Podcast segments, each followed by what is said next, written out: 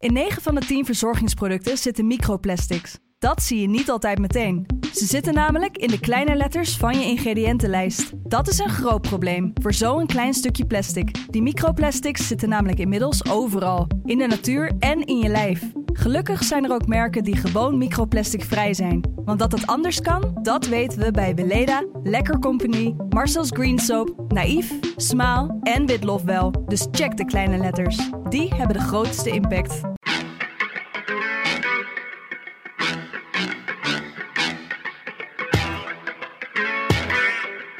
Dit is, dit is het land van Wierde. Een podcast van de Telegraaf met analyses op het nieuws die u elders niet hoort. Met Wierde en Robert Ophorst. Het is donderdag 21 oktober en daar zijn we weer. Uh, met een uh, wederom een vol programma. Ja, ik zeg het eigenlijk elke aflevering, maar nu is het ook weer zo. We gaan het uh, hebben over het nieuwe D66-Kamerlid. We gaan het hebben over een, een, een, een kunstproject dat de nodige stof doet opwaaien de kinderen die uh, door jeugdzorg uit huis zijn geplaatst, uh, kinderen van toeslagenouders, daar gaan, we het, uh, daar gaan we het over hebben. En het verdwijnen van de publieke voorzieningen, met name in de regio. Wat doet dat met het vertrouwen in de overheid? Dat allemaal straks, maar misschien heel even beginnend met, je hebt natuurlijk als oud-correspondent Duitsland veel contacten nog bij onze oosterburen. Regende nou, het nou felicitaties? Stil. Oh, het was stil. Dat was, dat was natuurlijk heel erg stil na deze vernedering van eh, Borussia Dortmund door Ajax. Ik kon er niet de sportiviteit opbrengen om jou daar even mee te feliciteren. Nou, ik heb die Duitse commentaars gekeken en dat valt best mee hoor. Die, er was toch wel heel veel lof ook voor Ajax. En uh, verbijstering over hoe de tweede club van Duitsland, wat Borussia is, dan in elkaar stortte daar in die uh, arena. Maar het was natuurlijk een uh, wonderbaarlijke avond. En zelden hebben we Ajax de laatste jaren zo goed zien spelen. Dus de vraag is nu of dit Ajax, dit Ajax zoals het dan heet in de sport, hè, of dat dan uh, niet beter is dan het Ajax van het seizoen 18-19. Maar goed, dat laten we over aan de collega's van de voetballerij. Ja, want de helft van de luisteraars is nu alweer afgehaakt. Het gaat over de voetbal. De helft van de luisteraars, die, precies, die rent nu weg. Dus we gaan snel over tot de orde van de dag. Ja, um, in vijf jaar tijd zijn uh, eh, 1100 15 gedupeerde kinderen door de kinderopvangtoeslagenaffaire uit huis geplaatst. Dat meldt althans het Centraal Bureau voor de Statistiek. Niet helemaal juist geformuleerd, want ze weten niet uh, hoeveel bij hoeveel van die uit huis geplaatste kinderen er verband is met de toeslagenaffaire. Dus dat hè, door de kinderopvang toeslagenaffaire is misschien niet helemaal uh, juist. Maar nee, bij ouders die dus in, met ja, die kindertoeslagenaffaire te maken hebben. zijn, zijn 1115 dus, kinderen uit huis geplaatst door jeugdzorg. Ja, en of het nou één op één uh, op de kausaal verband is, dat is dan de, de vraag die beantwoord moet worden. Maar het gaat natuurlijk, dit is natuurlijk een enorm aantal. Ja, en er stond vanochtend ook een verhaal, een groot verhaal in de Volkskrant, wat één zo'n gezin er dan uitlicht. Nou, dat is inderdaad uh, ontzettend treurig. Ja, en uh, kijk, um, met de disclaimer dat we hier misschien dingen gaan zeggen die dan uh, voorbarig zijn. Maar hoe dan ook is het natuurlijk uh, het aantal van 1100 bij deze gezinnen is echt idioot hoog. En als je dan leest wat er met die kinderen gebeurt en ook met die ouders. dat die dus gewoon uit die ouderlijke context worden weggehaald en in pleeggezinnen gezet. Waar ze dan ook, hè, ik las er enkel in, die is dan ook nog eens een keer misbruikt en zo in detentiecentra. Dat is gewoon een enorm uh, gesol met die kinderen. En op basis uh, waarvan dan vraag je af. Want als het alleen is op basis van die financiële problemen. ja, dan is het natuurlijk al helemaal niet gerechtvaardigd. Dat was hier niet helemaal zo, had ik het idee. Die, die vrouw die was helemaal in de, in de vernieling geraakt nou ja, naar aanleiding van die schulden die ze. Ja, die was aan het drank geraakt, hè? Dat, dat voorbeeld. Uh, en dan stapelt het zich allemaal op. Tenminste, ja. dat, dat beeld kreeg je een beetje bij uh, dat verhaal. Nou ja, kijk, in dit soort problemen met schulden en zo heb je vaak natuurlijk te maken met de stapeling van uh, problemen. dat hebben wij ook wel beschreven en ik ook op mijn pagina op donder, donderdagen en zo. dat zijn vaak mensen die, um, als mensen in de schulden raken, zijn, is er vaak ook Sociaal-economisch eh, zijn er dan al problemen. Of er is een probleem met eh, verslavingsproblematiek. Of anderszins scheidingen en zo. Maar eh, dat gaat natuurlijk helemaal niet op voor al die toeslagen ouders. Um, dus hier moet je heel voorzichtig over zijn. Maar hoe dan ook is het natuurlijk heel schrijnend dat dit is gebeurd. Bovenop nog eens een keer de manier waarop een groot deel van die ouders gewoon ontzettend slecht is behandeld door die Belastingdienst. En nog steeds heel slecht behandeld worden ook al is dit schandaal al lang uh, aan de oppervlakte gekomen en is er zowel in de politiek als in de media enorm veel aandacht voor en is er allerlei beloftes gedaan over dat dit dan uiteindelijk toch uh, afgehandeld gaat worden en zo, maar dat gebeurt maar telkens niet. Dus um, ja, schandalen van dit soort omvang in Nederland, dat is toch wel heel erg heftig hoor, vind ik. Dus um, nou ja, ik ben benieuwd of nu die onderste steen boven gaat komen en wat in al deze gevallen nu precies gespeeld heeft. Uh, maar het is ook op een soort van toevallige manier uh, naar boven gekomen. Hè? Iemand las die statistieken van het CBS en is daar toen mee gaan leuren. En een columniste van de Volkskrant, Harriet Duurvoort, die besteedde daar toen aandacht aan. Toen zijn de Kamervragen gesteld. Dus stel je voor dat iemand niet zo alert was geweest. Dan was het misschien nog helemaal niet of nog niet um, uh, boven water gekomen. Dat is ook zoiets vreemds. Ik heb de indruk, er wordt op zoveel manieren wordt, is hier, wordt hier gefaald, weet je wel. Ook uh, door de politiek, door de Tweede Kamer, maar uh, ook wel door een deel van de media en zo. Dus um, het is allemaal wel heel verbazingwekkend en heel erg uh, onverkwikkelijk. Dat is het juiste woord hiervoor, denk ik. Met Sid. Hi Sid, goedemorgen met Kate. Het is bepaald geen goedemorgen, Kate. Het is bepaald geen goedemorgen. Kun je mij horen? Ik kan je horen. Ja. Ik voel me zo slecht. Ik wilde je al een tijdje terug hierover appen, maar ja, ik kon het niet opbrengen. Het was gewoon te confronterend, weet je. Dus ik. Ja, voor de luisteraars die uh, verschrikt dachten uh, dat ze in een andere podcast waren beland, wees gerust, we zijn er nog. Uh, dit, dit was een fragment uit de film Honeypot van kunstcollectief Kirak. Dat is een afkorting van Keeping It Real Art Critics. Er is het nodig te doen om deze film, of, of beter gezegd dit kunstproject, want dat is het geloof ik meer. Mm -hmm. Daar komen we zo uh, uitgebreid op. Maar misschien even om te beginnen. Wat is dat Kirak en waar gaat deze film over?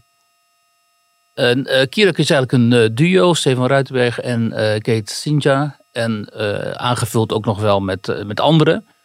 Um, die films maken vooral over de kunstwereld en de kunstindustrie. En daarin heel erg um, afwijkend zijn. Omdat ze die hele kunstwereld de afgelopen jaren enorm op de hak hebben genomen. En dat doen ze ontzettend grappig en confronterend. En ik heb ook eens een keer een groot verhaal over hen geschreven, omdat um, uh, wat zij doen eigenlijk is al die verwatenheid en ook uh, alles, al het snobisme en zo in de mm-hmm. kunstwereld uh, enorm bevragen. En dan zie je dus, als ze dus op de huid gaan zitten van mensen die in die kunstwereld belangrijk zijn of zichzelf belangrijk vinden en ze gaan echt dit soort vragen stellen. Gewoon hele simpele vragen stellen. Van ja, waarom is dit nu goede kunst? Of hè, waarom moet kunst per se bijvoorbeeld maatschappijkritisch zijn of zo? Of in, in jullie ogen mm. en zo.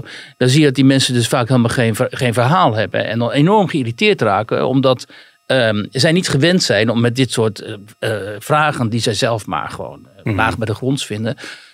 Um, geconfronteerd te worden. Um, maar in dit geval, waar we het nu over hebben, die nieuwe film, uh, raken zij dus niet aan die uh, kunstwereld. Maar um, uh, hebben zij de, zeg maar de, de rechtse filosoof Sid Lucassen. Ja, dat was ook degene die we net in dat fragment hoorden aan de, aan de telefoon. Ja, die hebben ze eigenlijk min of meer in, in een val gelokt. En dat laten ze dan zien in die film. Goed, iedereen moet zelf maar even die film laten zien. Of gaan zien. Inhoudelijk hoeven we het niet over te hebben. Maar het gaat hier om het principe. Kijk, uh, Lucas uh, is um, iemand die al jaren aan de rechterkant van het veld uh, opereert. schrijft boeken. Is min of meer gelieerd aan Forum voor Democratie. Heeft ook wel voor hen dingen gedaan in Brussel. Heeft veel boeken geschreven over onze huidige cultuur. Was er ook voor in het verleden voor de VVD kandidaatraadslid of zelfs raadslid? Hij is raadslid geweest, ik meen in Duiven voor uh, de VVD, ja, inderdaad. Dus um, hij heeft ook geopereerd gewoon in, dat, uh, in het uh, politieke veld.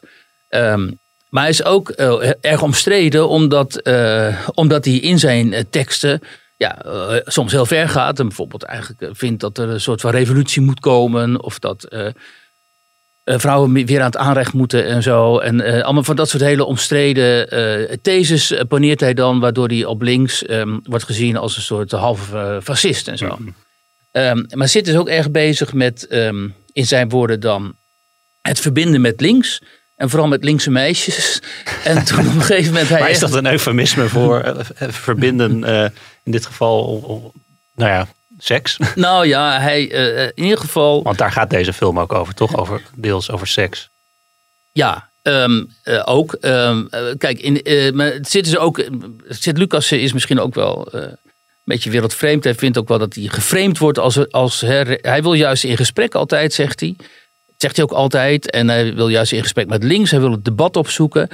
En eh, hoe kun je het debat beter voeren dan in zo'n geval met een links meisje dat zich ook heeft aangeboden, want daar gaat ook deze film Mhm. over voor, voor seks. Ehm, eh, maar goed, nu komt dus het punt dat eh, uiteindelijk is het allemaal helemaal niet zo gegaan als hij in gedachten had toen hij zich aanmeldde hiervoor. Hij vindt dat hij in de luren is gelegd, dat hij erin geluisterd is, dat er dingen zijn gefilmd van hem waarvan hij niet wil dat die eh, vertoond worden. En als ik het goed begrijp, in deze film speelt ook eigenlijk iedereen een rol. Inclusief dat linkse meisje. Behalve Sid zelf. Hij is gewoon zichzelf en iedereen om hem heen. Ik bedoel, er zit ook iemand in die speelt dan een pooier, geloof ik. Ja. En zo.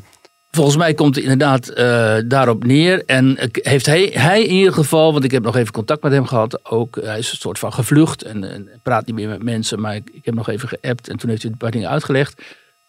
Hij heeft het gevoel dat hij enorm ingeluisterd is en hij is immer ingestort, min of meer. Heeft eh, heel erg last gekregen van zijn nek. en daar heeft hij nu, nou daar moet ik helemaal niet om lachen, eh, daar heeft hij, zo, daar heeft hij nu, eh, krijgt hij therapie voor. En hij is eigenlijk ehm, Hij is zich eigenlijk gewoon onder een steen verstopt, toch? Nu. ja, hij heeft zich eigenlijk verstopt en eh, psychisch gaat het gewoon niet zo goed met hem. En dan, dan dient zich nu de vraag aan, eh, wat moet je nu? Hè? Want de Ja. Bali, dat debatcentrum in Amsterdam, wil deze film ook gaan uitvertonen. vertonen. Ehm, die makers, dus die mensen van Kirak, die eh, is gevraagd om eh, dit vervolgens niet meer te laten zien. Hè? En die zeggen in een interview in de NRC Handelsblad: Ja, luister eens, dit, gaat, dit is een kunstproject. En eh, opdat ik eh, dit soort, Stefan zegt het dat, opdat ik dit soort dingen eh, onder het publiek wil brengen. Wat ik, omdat ik dit heel belangrijk vind, heb ik het er wel voor over om iemand als eh, Sint Lucas te slachtofferen voor de kunst. Nou, dat is natuurlijk een hele principiële kwestie. En eh, het interessante nu is, en daarom wilde ik het ook even over hebben, als de Bali dit gaat, gaat laten zien, gaat tonen, eh, en ze gaan niet in op het verzoek van Lucas om het niet te doen, dan is het natuurlijk een lose-lose situatie. Omdat eh, dan gaan ze enorm veel kritiek krijgen van mensen die het nu al voor hem opnemen. hè? Ook mensen die ideologisch politiek zijn tegenstander zijn. Ja, want het is ook niet zo dat hij achteraf zei van nou, ik vind het toch eigenlijk niet goed. Hij zei al tijdens die opnames, geloof ik. van, Ja, het is ik- wel ik- belangrijk ik dat je trek mijn zegt. medewerking terug en Ja. ik voel me er toch niet zo lang bij. Ja, het is wel belangrijk dat je dit zegt. Want anders kun je natuurlijk zeggen... ja, iedereen die eh, deel is van een documentaire... kan achteraf wel gaan, eh, gaan eh, janken dat hij, of hij of zij er niet in wil. Maar hij heeft dit dus al tijdens de, opnames duidelijk gemaakt. Ehm, en wat ik zeg, dus de balie staat nu voor twee keuzes. Ofwel je laat het zien, je trekt hier niks aan van de, van, de kritiek... of van, de, van, van, van, van wat Sint-Lucas zegt... En je krijgt dus dan heel veel gedoe natuurlijk met mensen die het voor hem opnemen. Die, vinden, die ook zeggen, ja maar luister, Sint-Lucas is ook misschien wel hè, echt autistisch of zo. Heel veel mensen beweren dat nu. En dus dat kun je zo iemand niet aandoen. Ehm, en als ze het niet gaan doen, dan kan je natuurlijk die mensen zeggen... ja, maar, maar jullie mij nemen het altijd zo op voor de vrijheid van meningsuiting... en het vrije woord. En nu ga je, omdat Lucas eh, ehm, vindt dat hij er niet goed op staat... ga je die film cancelen. Dat kan natuurlijk ook niet. Dus, eh, en in die zin, en dat is dan weer het mooie op metaniveau hieraan... heeft Kirak dus alweer eh, zijn doel bereikt. Ja. Omdat dit soort discussies ontstaan... die eigenlijk niet op, op te lossen zijn. Want elke, elk besluit dat daar genomen wordt, is, is vervelend... Dus in die zin laten ze weer mooi ehm, zeg maar de spagaat zien. Waarin je komt eh, te zitten als je dit, dit soort thema's eh, wil behandelen. En eh, met mensen gaat werken die achteraf zeggen: ja, maar dit was niet de bedoeling. Hè? Ehm, en het toch presenteert als een kunstwerk. Eh, En, en dan, dat is dan ook wel weer kritiek op de kunstwereld. Omdat natuurlijk ook vanuit de kunstwereld gaat gezegd worden: ja, maar dit is moreel, ethisch niet te, te, te verantwoorden. En dan gaan zij zeggen, ja, maar jullie zeggen toch zelf ook altijd hè, dat kunst is vrij en in kunst mag alles en nu mogen wij dit niet.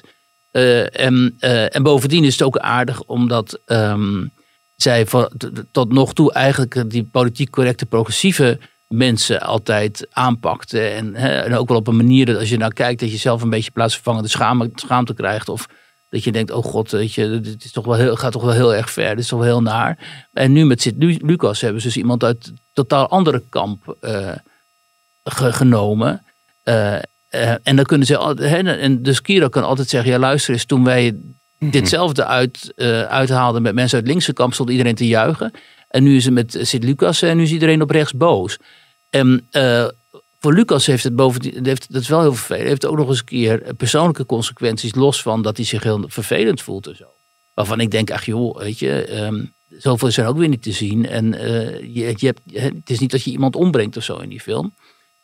Maar dat uh, zijn uitgeverij, de Blauwe Tijger, dat is een conservatief uh, uitgeverij, die heeft hem nu gecanceld. Want het is niet de bedoeling dat auteurs van hen uh, in een halve pornofilm uh, gaan optreden. Want daar zijn ze te katholiek conservatief uh, fatsoenlijk voor. dus dus dit, ja, dat gaat toch gewoon weer was vers, niet meer welkom. Ja. Uitgeverij was opgericht juist om, om geluiden te laten horen die, die niet gehoord worden. Nou ja, ja, maar dan wel het conservatieve geluid. Ja. En dan ga je dus niet, weet je wel, op, op, op, op, op, op willekeurige basis gewoon met iemand seks hebben zonder dat er ook allerlei andere zaken als liefde of verbindenis of uh, relatie in het spel zijn en zo. En dus aan de andere kant is het, als je er dus niet zelf slachtoffer van bent of zelf deel van bent geworden mm -hmm. van dit project, is het aan de andere kant dus interessant. Maar ja, kijk, ik, kan, ik, ik, ik snap het ook niet zo goed. Want ik denk, ik ken die, die, die makers ook. Best wel goed ook. En ik vind ze heel aardig. En zij vinden mij ongetwijfeld heel aardig. Maar als zij mij op het oog zouden hebben dan zou ik drommels goed weten wat daarvan de uitkomst zou zijn. Dus daar zou ik natuurlijk niet aan mee gaan werken. Dan, ook al mag ik hen en vind ik hun werk interessant. Mm -hmm. dus, ja. Maar je weet eigenlijk wel van tevoren natuurlijk met deze makers waar je aan begint. Nou ja, nu helemaal. En nu helemaal. Dus dus of, nog wel. Ja, of die ooit nog mensen bereid zullen vinden om uh, in hun films te spelen is nu natuurlijk maar de vraag. In Nederland. Politiebureaus, uh, bibliotheken, basisscholen, zorgcentra of uh, gewoon een kaartjesbalie op een station. Uh, de tijd dat je in Nederland struikelde over de publieke voorzieningen is wel voorbij. vooral buiten de grote steden mag je blij zijn als je nog eens ergens een, een bemande voorziening aantreft. Jij sprak erover met politicoloog Herman Lelyveld voor je wekelijkse rubriek in Nederland. Ja, lekker efficiënt toch om alles digitaal te kunnen doen. Waarom is het verdwijnen van de publieke voorzieningen volgens Lelyveld dan toch zo zorgelijk? Ja, niet alleen volgens Ladyveld, maar ook volgens allerlei andere wetenschappers, bestuurskundigen en politicologen en zo. Omdat zij zeggen, en dat vind ik interessant, daarom wilde ik dit stuk ook wel schrijven. Um, zij zeggen, kijk, die, die, dat onbehagen wat er speelt in de perifere regio's, vooral Noordoost-Friesland en Oost-Groningen, Zuidoost-Drenthe, Limburg, daar in die, in die, aan, de, aan de randen van Nederland, zeg maar daar is dat, dat ongenoegen heel groot. Hè. De boerenburgerbeweging heeft veel aanhang, maar ook de PVV en de Vorm van Democratie en zo. Dus al die protestpartijen die vinden daar veel aanhang, omdat die mensen daar de indruk hebben, wij worden niet gehoord. Wij worden vanuit de Randstad bestuurd. We krijgen allerlei regels en wetten over ons heen. Er is ook letterlijk vaak niemand meer die ze kan horen, omdat er dus geen bibliotheek meer is, geen plaatselijk politiebureau. Nou, kijk, um, ja, maar dat, is de volgende stap. De eerste stap is dat um, deze mensen die ik sprak, hè, dus Lady Velbo, Casper van den Berg, uh, Werus, uh, dat die zeggen: kijk, dat onbehagen daar, dat wordt aangewakkerd door die protestbewegingen. En die protestbewegingen die wijzen naar de falende overheid. Die zeggen, ja, maar dat komt, hè, jullie hebben het hier zo slecht. Want die overheid en die instituties die falen op alle mogelijke manieren. Dus um, die mensen daar in die, in die vergeten regio's, die denken, overheid is schuld. En nu zeggen deze wetenschappers, dus Lady Vatten van den Berg, ja, maar die overheid, die is er helemaal niet meer. Dus je kunt wel naar Den Haag wijzen, daar zit nog wel overheid. En daar zitten nog wel publieke voorzieningen. Maar in jullie eigen regio zijn die, zijn die er gewoon niet meer. Dus als, jij, als, jij, als er geen zichtbare overheid om je heen hebt, waar heb je het dan over? Dus waar zij voor pleiten is dat na al die decennia van uh, onachtzaming eigenlijk van deze regio's en ook van privatisering en fusies, hè, je hebt ook telkens grotere gemeentes gekregen en zo. En het vertrekken van al, al, al, die publieke voorzieningen en dus ook de overheid uit die regio's, is dat, dat die weer terugkeren. Dus dat, dat die, en op een betere manier. Dus dat die lokale en regionale bestuurders uh, ten eerste gewoon meer uh, zeggenschap krijgen en ook meer bevoegdheden krijgen. Daar pleit ze ook heel duidelijk voor. Voor meer bevoegdheden voor de, voor de provinci provinciaal bestuur. Um, dat er gewoon wel weer bemenste, zoals het heet, hè, ticketbalies. Ja, bemanden mag niet meer. Bemanden mag niet meer, wat jij zei. Um, maar ook bibliotheken en, en noem maar op, zorgcentra en al die, al die zaken die verdwenen, dat die daar terugkeren en dat die gewoon weer een rol spelen in die gemeenschappen, omdat, zeggen zij, anders die gemeenschappen uh, verkommeren. En als die verkommeren, en dat zegt Casper van den Berg heel goed, als die verkommeren, dan heeft het uiteindelijk ook uh, gevolgen voor de rijkere regio's. Kijk, afgelopen decennia is er politiek geweest, eh, sinds het kabinet de Lubbers eigenlijk. ehm, investeer heel veel in de succesvolle rijke regio's. Want daarmee kun je concurreren eh, met het buitenland. En dat is niet alleen maar de Randstad en Schiphol en eh, noem maar op en zo. Maar bijvoorbeeld ook Eindhoven, de, de tech-industrie en zo. En laat die andere regio's waar eigenlijk, die eigenlijk kansloos zijn, laat die, maar, laat die maar een beetje aan hun lot over. Hè, want daar is toch krimp en zo. En, eh, nou, dat moeten we een beetje, zeg maar, een beetje, een beetje eh, ehm, in de hand weten te houden, een beetje managen. Maar verder hoeven we daar geen enkele illusies over te hebben. En, eh, en, maar sinds, sinds eh, enige tijd, sinds een aantal, sinds kabinet, derde kabinet Rutte eigenlijk, is er wel een omslag gaande. Omdat natuurlijk de gevestigde orde is natuurlijk hartstikke bang voor die protestbewegingen daar. Want die, dat zijn gewoon ook boeren die met een trekker zomaar eh, tegen het provinciehuis gaan oprijden. En zo als je niet oppast of op, op het Malieveld gaan staan. En nou ja, eh, voor niks is de gevestigde macht zo bang als voor protesterende boeren volgens mij. Maar ook, en dat is interessant, omdat ze die regio's nodig hebben voor al die grote projecten die, die we nu Windmolens, datacentra. ja, precies. De, de windmolens, de, de energietransitie, het klimaat, Ja, gewoon stikstof, Om de, om, om de steden te ontlasten. Toch al die gezinnen die, woningbouw. die, die uit de Randstad wegtrekken omdat ze een tuin willen. Ja, nou ja, ook dat. Kijk, dus trans, eh, eh, energietransitie, klimaat, woningbouw, noem maar op. Daar hebben ze die regio's voor nodig. Dat, wat, dat gaat daar gebeuren. Dus daar hebben ze ook goodwill nodig bij die mensen daar. Bovendien zijn er gewoon op dit moment, ook do- door corona, heel veel mensen uit de Randstad die naar die regio's toe gaan. Hè. Die, ze hebben daar een huis gekocht en die werken twee, twee dagen per week in de Randstad en de rest zitten ze thuis.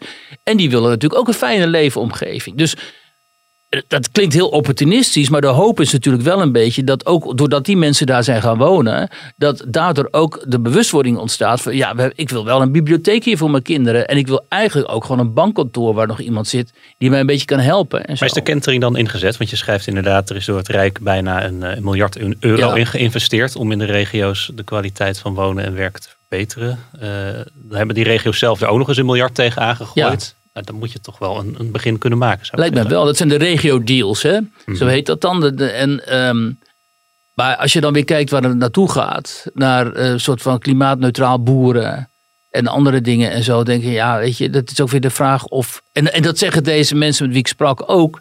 Die zeggen, ja, als alles goed en wel, je geeft dat geld. Maar het is wel zo dat die regio's dan eerst een idee moeten aanleveren aan, waaraan ze dat willen gaan Ja. besteden. En dan kom je aut- automatisch natuurlijk weer in die mal terecht van, zeg maar, in, in die deugmal van hè, Mhm. dat je dat aan het klimaat iets moet doen of weet ik veel wat en zo. Terwijl, ehm, eh, terwijl laat die regio's zelf nou even bepalen eh, waar zij Mhm. van denken dat het geld naartoe zou moeten gaan. Het beste naartoe kan, kan gaan. Ja. Snap je? Ja. Toch op, op, op groter niveau zie je, zie je die vervreemding ook toch. Ik bedoel, de macht, dat wordt steeds meer een soort vormloze entiteit. Waar je hè, de, de bureaucraten zonder gezicht in Brussel, waar je allemaal wilde fantasieën op los kan laten. Omdat je er eigenlijk gewoon geen beeld meer bij hebt. En geen, niet het idee hebt dat ze jouw stem ook horen. ja, nou ja, dat, dat, dat beeld van Brussel is natuurlijk Frank Timmermans. Hè? Frans Timmermans, die ja, nou steeds ja, dat, verder eh, uitdijt en ondertussen ons vertelt hoe, wat wij moeten eten en Ja. hoe wij met het klimaat moeten omgaan. En de hele tijd waarschuwt voor de apocalypse als we niet voldoen aan de normen uit, eh, uit Brussel. En je ziet hem dan de wereld overvliegen en zo. Deze week was hij weer ergens in Azië en zo. En, ja, dat, en, en, en hij beseft dat niet. Maar dat roept natuurlijk ook steeds meer weerzaan, weerzin op bij grote groepen mensen. Die zeggen, "Hoe- wie ben jij om te bepalen hoe ik moet leven. Ten meer omdat eh, zoveel mensen al gewoon hun best doen. Mhm. Met, eh, met te denken aan het klimaat, aan het milieu en aan hun eigen voedsel en sportief zijn en zo.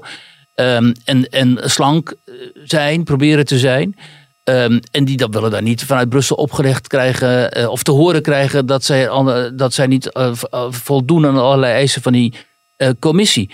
Dat is beeld uit Brussel. Nou, het beeld vanuit Nederland is natuurlijk op dit moment schrikbarend. Hè? De, de, het kabinet Rutte, dat in zoveel opzichten voor heel veel mensen een soort horrorshow vertegenwoordigt. Alleen al die toeslagenaffaire, maar ook al het vele liegen en dan met elkaar eh, niet over straat kunnen en dan uiteindelijk toch weer terugkomen bij de oude coalitie na zoveel maanden en zo. Dus ehm, het is niet voor niks dat dat wantrouwen en dat die argwaan daar, vooral in, in die regi- regio's, ook Nou ja, want dat zo groot inderdaad is. nu ook bij dat onderzoek. Hè. Nederlandse boeren hebben hun geloof in de overheid verloren, bleek eh, vandaag uit een onderzoek van INO Research in opdracht van de Volkskrant. 70% van de veehouders heeft geen vertrouwen meer in de huidige overheid. Ja, Ja, dat is echt wel belangrijk, Dat, hè? dat lees ik ook wel vaak. Hè, van die, die, hoe durven ze met de huidige coalitie toch weer doorgaan? Maar ja, dat is wel op basis van de uitslag van de verkiezingen hebben ze dat mandaat gekregen van de kiezer. Dus kennelijk zijn er ook genoeg mensen die dat anders zien. Nou ja, dat mandaat ligt natuurlijk op centrumrechts, maar daar worden partijen uitgesloten. Die mogen niet meedoen, zoals de PVV. Dus dan moet je al zoeken naar eh, andere combinaties. Maar eh, ja, 21 eh, zit in de Eerste Kamer. Met, eh, hè, met, die heeft daar toch wel een, een aantal mensen zitten. Die zou je ook kunnen benaderen en zo. Maar goed, dat is allemaal politiek. Maar sociaal-maatschappelijk zou het inderdaad handiger zijn als er een formatie zou zijn geweest die ook deze mensen en de, de behoeftes van deze mensen in de regio's en sowieso mensen die zich meer centrumrechts bevinden, als die in ogenschouw zouden worden genomen. En ja, het grote probleem hier is natuurlijk dat de VVD de afgelopen eh, jaren eh, in cultureel opzicht, cultureel maatschappelijk opzicht, eh, heel links is geworden. En ook die klimaat, eh, dat al die klimaatakkoorden heeft omhelst en zo. En voor heel veel mensen, rechtse mensen, dat dus eh, totaal onherkenbaar is geworden. En, maar goed, daar hebben we het al vaker over gehad. Maar dat dit probleem urgent is en ook urgent blijft. En dat het niet zo is dat in de regio's waar die protestpartijen groot zijn, dat opeens mensen heel anders zijn gaan stemmen. Want die blijven gewoon op deze partijen stemmen. Dus hoe dan ook eh, is dat een signaal. Eh, nou ja, dat is wel duidelijk. En eh, als daar creatieve oplossingen voor worden geformuleerd, dan lijkt me dat altijd interessant, eerlijk gezegd. Elke regio een eigen kerncentrale. Nou, dat zou ook. eh, nou, het zou- zouden er heel veel zijn, maar het zou wel goed zijn als er een paar kerncentrales bij zouden komen, eh, inderdaad, ja. En minder windturbines. Onda Sala, zo heet het de kerstverse D66-Kamerlid. Ze is gemeenteraadslid in Den Haag, maar ze neemt tijdelijk de plek in van eh, Rens Ramakers, die om gezondheidsredenen met verlof gaat. Ehm, Sala heeft alvast de hartelijke felicitaties van eh, VVD-corrivé Frits Bolkestein op zak. Mhm. Eh, die kennen elkaar kennelijk eh, uit het verleden, maar ze gaat het fantastisch doen, zei Bolkestein in een videoboodschap. Jammer dat ze van D66 is en niet van de VVD, maar verder een aanwinst voor ons parlement. Nou, Ja. Wil jij er ook nog even je felicitaties geven en geluk wensen? Ja, kijk, het gaat me niet, ook niet om eh Fonda Sala trouwens hoor. Als ik hier problemen mee heb, ehm, of, of in ieder geval kritiek op heb. Zij kennen elkaar overigens via eh, haar eh, familie. Kijk, wat het punt is, is dat eh, D66 telkens heel veel kritiek heeft op christelijke partijen zoals de ChristenUnie, omdat die zo conservatief zouden zijn. Hè? En eh Sigrid Kaag wilde eigenlijk liever niet verder met die ChristenUnie, want oh oh. Ja, op allerlei medisch-ethische dossiers en zo is helemaal geen overeenstemming met hen te vinden. En dan eh, komt er een, nieuw eh, Kamerlid, althans een vervangend Kamerlid. En dan is het iemand met een, eh, niet zomaar een hoofddoek, hè, maar gewoon echt een, een hoofddoek die duidelijk maakt: ik ben een diepgelovige moslima. En er is niks te- tegen diep religieuze mensen. Alleen ehm, als je een diepgelovige moslima bent, dan ben je conservatief. En op allerlei onderwerpen heb je dan hoe dan ook een conservatief standpunt. Dat draag je uit namelijk met die hoofddoek en de manier waarop je die hoofddoek hebt omgedaan. En dat zou dan opeens wel bij D66 passen. Dat is net zoals bij eh, GroenLinks eh, hè, met eh, de meisje, of die me- mevrouw Kouter Ja. Die dan ook vanuit de moslimbroederschap de, een progressieve partij binnenwandelt. En dan denk ik, hoe is dit nou dan te vereenzelvigen met eh, jullie, überhaupt jullie eh, principes, hè? Met, met, met jullie ideeën over de wereld, eh, scheiding van kerk en staat en eh, noem maar op. En je bent toch links-liberaal, progressief-liberaal en zo. En met name ook met jullie telkens weer geuite bezwaren tegen partijen als de ChristenUnie. Ehm, maar, en dan, dan roep ik die vragen op en dan krijg je natuurlijk helemaal geen antwoord op. Ja, of dan krijg je heel veel mensen die eh, echt verschrikkelijk cliché komen. Ja, mijn moeder droeg ook een hoofddoek. Hè? Want eh, in de jaren 50 droegen mensen, een vrouwen een hoofddoek en zo. Dus die hebben dus helemaal niet begrepen wat de hoofddoek nou precies is. En het interessante is dat dan weer vanuit de allochtone hoek, dus Turkse, Marokkaanse, seculiere hoek, ehm, wordt dan die kritiek van mij onderschreven. En die, zeggen, die mensen zeggen ook van ja, wij weten heel goed vanuit onze eigen achtergrond en vanwege onze, hè, vanuit onze eigen familiegeschiedenis en zo, eh, wat dit betekent. Hè. Ruud Koopmans, eh, bekend onderzoeker, Nederlands wetenschapper in Berlijn en zo, die heeft ook gewoon de- dit onderzocht en die heeft, eh, en zijn conclusie is dat het aantal hoofddoeken dat je ziet in het straatbeeld uiteindelijk een indicatie is voor uh, fundamentalisme in die wijken waar zich dit afspeelt. Dat uiteindelijk die wijken of die steden uh, ten prooi zullen vallen aan fundamentalistisch denken uit um, de islam.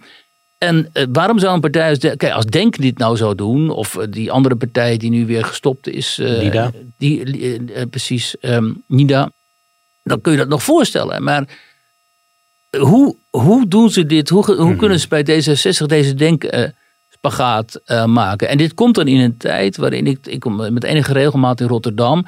En ik zie daar echt gewoon per week uh, die islamisering uh, voortschrijden. Het aantal, het aantal, inderdaad, vrouwen met hoofddoek, ehm, dat je daar ziet op straat en zo in sommige wijken, dat is gewoon overrompelend. Hè? En dan denk je, ja, allemaal goed en aardig en zo. Dus allemaal vrijheid van meningsuiting, vrijheid van religie, allemaal prima. Alleen, uh, waar eindigt dit dan precies? Hoe, hoe ziet zo'n stad er over 20, 30 jaar uit? En zal er dan nog sprake zijn van een, een, een democratische, democratische rechtsstaat ook in, uh, in onze randstedelijke uh, gebieden? Ja, maar goed, zo'n denkspagaat kan natuurlijk toch ook gewoon op individueel niveau bestaan. Ik ken ook wel voorbeelden van diepgelovige scheikundeprofessoren die zich wel met het heelal bezighouden en of natuurkundigen die zich wel met het uh, sterrenkundigen die zich met heelal bezighouden, maar ook uh, in, in, in de schepping geloven. Dus het een hoeft het ander ook niet uit te sluiten. Nee, zeker niet. En uh, bij, de, de, de, bij de principiële vraag zou ik graag gesteld willen zien. Hè, hoe het kan dat iemand die dus kennelijk zwaar gelovig is, conservatieve religieuze opvattingen huldigt, voor zo'n partij, voor deze partij in de Tweede Kamer politiek kan bedrijven. En ik vind eigenlijk ook wel, net zoals wij de vraag oproepen of de hoofddoek en andere religieuze uitingen gewend zijn bij de politie, of dat ook gewenst is in uh, de Tweede Kamer. En dan kun je altijd nog zeggen, nou, oké, in de Tweede Kamer wel, maar misschien niet als zo iemand dat tot kabinet toetreedt of zo. Daar kun je allerlei uh, debatten over voeren. Maar ik heb, heb jij een debat gezien op tv hierover? Ik niet. En als er dan eens een keer iets over wordt gezegd op de radio, dan komen er weer allemaal van die oppervlakkige opinietjes over. Ja, mijn moeder die droeg ook een hoofddoek en zo naar voren. Maar nooit een fundamenteel principieel debat over wat is nou de betekenis van die hoofddoek? Past dat überhaupt binnen de, onze democratische rechtsstaat? Hè? Of, of maakt de islam misschien wat dat betreft wel gebruik van uh, de vrijheid van religie hier? En past het überhaupt in een publieke functie? En in, eh, in de publieke functie, zo bij de politie, daar waar je neutraal moet zijn, past dat wat mij betreft niet. In de Tweede Kamer, ja, helaas wel, want dan zit je dus vooral hè, op je eigen mandaat. Uh, dus dat is dan toegestaan, maar ik, ik vind het niet fijn.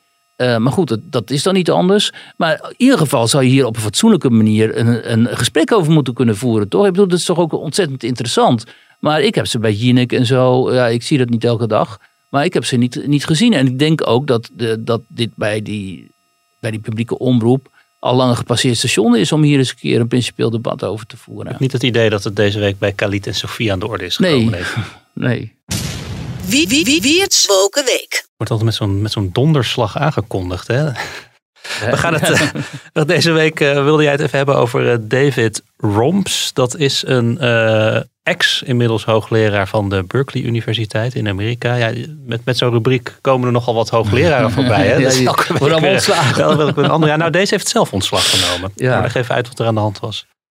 Nou ja, deze meneer die, die vindt dus dat um, de vrijheid van meningsuiting op dit moment op de Amerikaanse onderwijsinstellingen onder vuur ligt, omdat hij wilde iemand uitnodigen die, uh, die opvattingen heeft over uh, diversiteit die niet politiek correct zijn. En, en, en, diegene die die wilde uitnodigen, die was wel gecanceld. Die was al gecanceld door, uh, bij een bekende onderwijsinstelling. En omdat hij daar dus gecanceld was, wilde deze manier hem naar zijn onderwijsinstelling ja. halen. Zo van, ja, maar wij staan wel voor de vrijheid van meningsuiting. Want die man die hij wilde uitnodigen, die had dus gezegd van ja, luister eens, die diversiteitsdogma's, die zorgen ervoor dat wij niet gewoon de, de hoogste kwaliteit krijgen. Die zorgen ervoor dat hier mensen uit minderheden of vrouwen en zo uh, aan de bak komen. Maar dat is niet de bedoeling. Je moet gewoon de beste kwaliteit binnenboord halen. Nou, dat is ook gewoon een heel fatsoenlijke uh, opinie natuurlijk. Um, maar toen um, uh, maar um, zijn eigen onderwijsinstelling wilde dat dus ook niet. En toen heeft deze man gezegd van ja, luister eens, eh, alles goed en aardig, maar daar hou ik er nu mee op. Ehm, en hij is niet de enige. Hè. Hij, is, hij is exemplarisch voor veel meer mensen. Dus wat we op dit moment zien, is dat in die academische wereld, maar ook voor een deel in de media en elders en zo, eh, hele capabele mensen die hun, eh, hun ehm, eh, die gewoon eh, eh, hun op streep hebben verdiend. Hoe zeg je dat ook weer? Nou ja, zo. Die hun streep hebben verdiend. Ja, dat- ehm, dat die afhaken onder druk van die eh woke, eh, hè, wat vroeger politiek correct, het heet nu ook, terreur. Ehm, en ehm, ja, dat is natuurlijk ontzettend schadelijk, want dit gaat ook niet stoppen. Hè? Het is niet zo dat je nu echt ziet dat er massaal, massaal tegen dit soort eh, ellende in opstand wordt gekomen. Wel af en toe, hè, zoals wat vorige week in die kwestie met die mevrouw die iets over transgenders had gezegd. Die, eh, die moest ook ontslagen worden. Maar toen zijn toch wel honderden academici in de pen ge- geklommen. Hebben gezegd, ja, maar dit gaat niet gebeuren. Want eh, zij is gewoon een keurige wetenschapster. Ehm, maar ja, als het elke week of bijna dagelijks gebeurt. In de Verenigde Staten met name. Dan op een gegeven moment krijg je natuurlijk ook een soort verzadiging. En dan worden mensen moe om zich hier tegen te verzetten. Of ze willen het risico niet meer lopen en gaan hun mond houden. En in Nederland bestaat dat, dat risico eh, net zo goed. Maar misschien is er juist ook wel. Kan ook zijn dat het tegenovergestelde van verzadiging intreedt. Dus dat de, de, die, die, die man die gecanceld was, die had een opiniestuk in Newsweek geschreven. Nou, deze David eh eh, Roms, die eh, maakt dan een statement. Dus misschien dat dat ook wel de, de mensen inspireert om juist in opstand te komen. Ja, dat mag je hopen. Maar je, je, om dit te doen, moet je dus wel dapper zijn.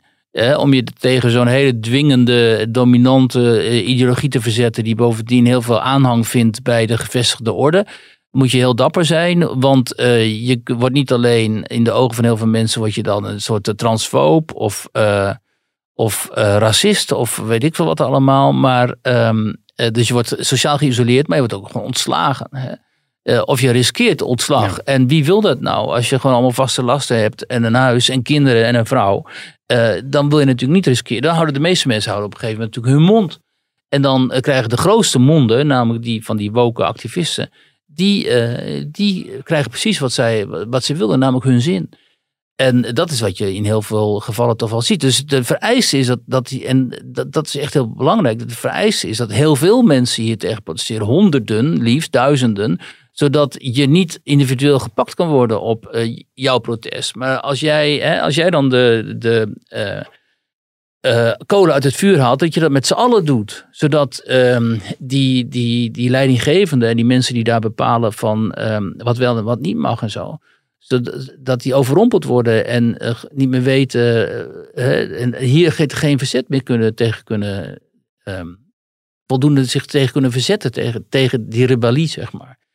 Dus wat dat betreft eh, zijn het tijden die wat dit betreft vragen om een zekere mate van eh, rebelsheid en revolutie in, in denken. Ja, nou ja, als je in ieder geval je baan bij Berkeley toch niet eh, het, de minste universiteit uit eigen beweging opzegt, dan Ja. je in ieder geval eh, ballen. Ja, heb je, dan heb je wel principes inderdaad, ja. Ja, Ik ben benieuwd waar we deze man eh, zullen zien opduiken Ja. in de toekomst.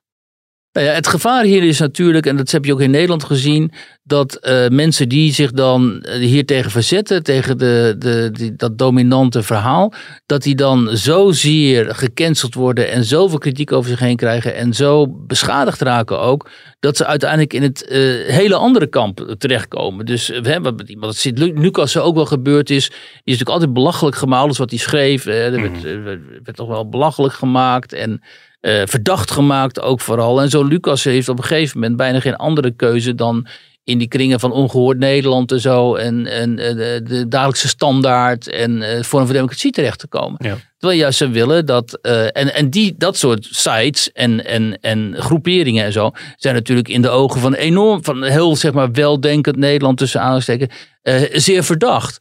Ehm, eh, en dat wil je natuurlijk niet. Je wil dat mensen met een, eh, met een nou ja, met, ook met afwijkende opvattingen, dat die wel deel mogen blijven nemen gewoon aan het Ja. algemene debat.